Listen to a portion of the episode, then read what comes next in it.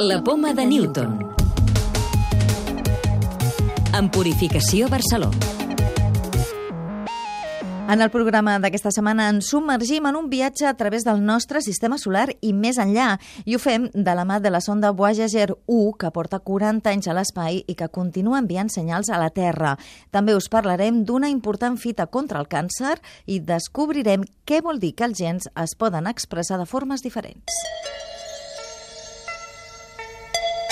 La Voyager 1 la van enlairar el 1977, porta 40 anys a l'espai i contra pronòstic ens continua enviant informació sobre els confins del sistema solar que va començar a deixar enrere el 2012. Això ha estat possible en part perquè la NASA va aconseguir activar uns propulsors que feia 37 anys que no es feien servir i que continuen funcionant. Ens parla d'aquest apassionant viatge Miquel Sureda, enginyer aeroespacial i professor de la UPC. És absolutament impressionant. Porta 40 anys allunyant-se, està llunyíssim i seguim podent no només comunicar-nos amb ella, sinó fer coses tan increïbles com, com, com encendre uns propulsors després de 37 anys, veure que funcionen. Com a mínim tindrem dos o tres anys més del que hauríem tingut sense ells de missió. Està visitant una zona que no només no ha visitat ningú, sinó que a més no podem quasi obtenir dades de ninguna altra manera, perquè la manera en què nosaltres obtenim dades des de la Terra és mitjançant telescopis, i els telescopis el que fan és recollir llum, però d'aquestes zones tan llunyanes del sistema solar, com que els cossos que hi ha són molt freds, quasi no emeten radiació, aleshores no podem obtenir nosaltres informació des de la Terra, i aquesta informació que s'està obtenint gràcies a la Voyager és absolutament vital. Hi ha moltíssimes missions espectaculars dintre de l'exploració planetària, però la, les Voyager són, són molt especials perquè realment que encara ara no, segueixen donant els titulars, eh, omplint notícies, segueixen donant informació i jo crec que, que encara tenim sorpreses. La Voyager 1 es troba a l'espai interestel·lar a més de 20.000 milions de quilòmetres en una zona on cap altra nau ha arribat mai.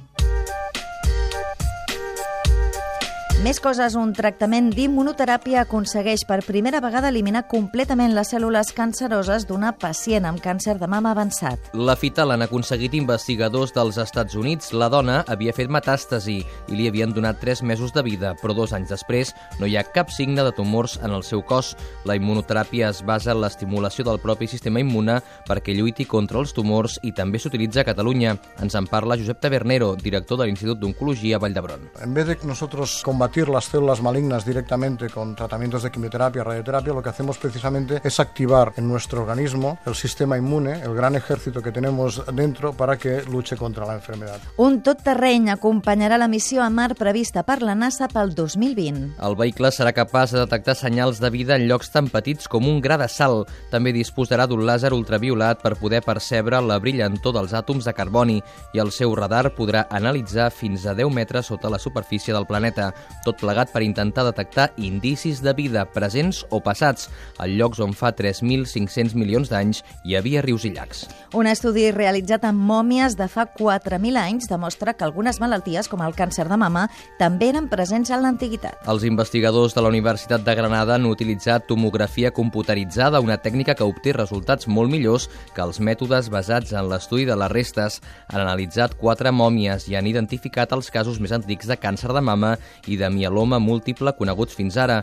Concretament, les malalties s'han trobat en una mòmia del 2000 abans de Crist d'una dona amb càncer de mama i una altra del 1800 abans de Crist d'un home amb mieloma. La clau de volta.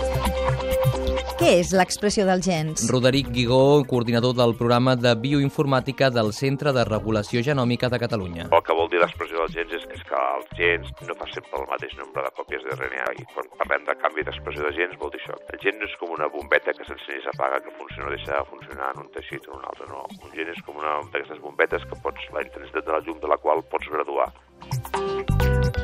Recordeu que ja podeu descarregar-vos el podcast de la Poma de Newton o subscriure-us al programa per rebre'l directament als vostres dispositius.